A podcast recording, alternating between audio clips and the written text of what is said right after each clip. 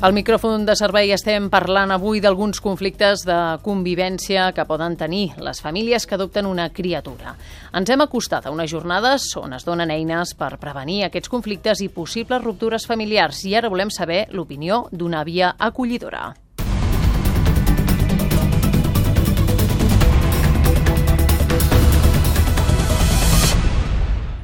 Unitat mòbil al Palau Robert de Barcelona, Santi Soler i Cesc Armengol, bon dia. Us ho dèiem a la primera connexió. Parlem ara amb l'Àngeles, que té la seva neta de 8 anys en acolliment des dels 3. Quins són els principals problemes de convivència que van aparèixer, Àngeles? I els problemes bàsics és que a mi em va agafar també una mica de sobte el problema aquest i la nena em rebutjava d'alguna manera a mi perquè volia estar amb la seva mare i molt patiment molt sofriment perquè plorava, volia estar amb ella, ella no hi era, i jo no sabia què fer també legalment amb ella. Eh, després pues, amb ella la van, bueno, va fer com tràfic de, de drogues i està detinguda en un altre país. Quins problemes són eh, els diaris, els quotidians de cada dia? De quina manera reacciona ella a tots a, a, a, diguem, a aquest bagatge, trist bagatge que porta la nena? Bueno, ara una mica millor perquè han passat anys, té 8 anys, però clar, tenia 3 anys quan va ser el problema i va reaccionar molt malament.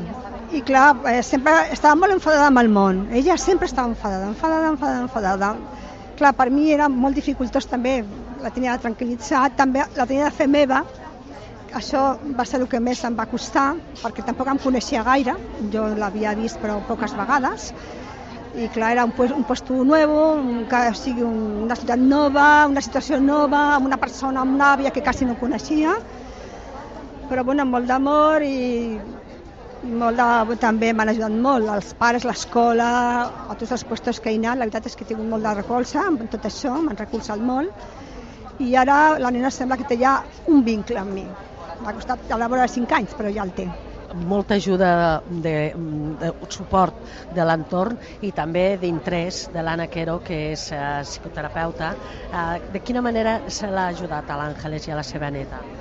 Bueno, amb l'Àngeles, sobretot, jo crec que ha estat una, una tasca de contenció, no? de, de la inseguretat que li generava doncs, haver d'exercir de, funcions no? que no li pertanyien pel, pel rol que ocupa, i sobretot doncs, aquesta, aquest temor no? a que es reprodueixin històries passades, a que doncs, eh, es reprodueixin doncs, això, no? el fantasma de la repetició que en diem, no? que és que no, que no recondueixi bé la nena, no? llavors és doncs, transmetre-li molta seguretat, molta fermesa no? davant de, de les conductes de la nena i sobretot doncs, oferir-li molt de suport i d'altra banda treballar amb la nena doncs, tota la part més d'emocions, de, de, de comprensió de la pròpia història no?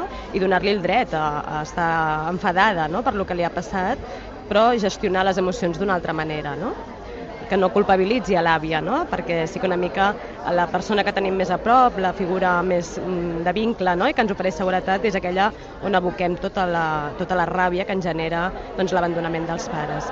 I en aquest cas concret és un dels casos que també doncs, eh, és un dels no pocs casos no? que no hi ha contacte amb els pares i si, també doncs, és ajudar a donar elements no? de, de per què aquesta, aquesta situació de no visites, de no contacte, no? que és una situació que entenem que és difícil pels nens. Anna, moltíssimes gràcies i Àngeles, moltíssimes gràcies, molta sort.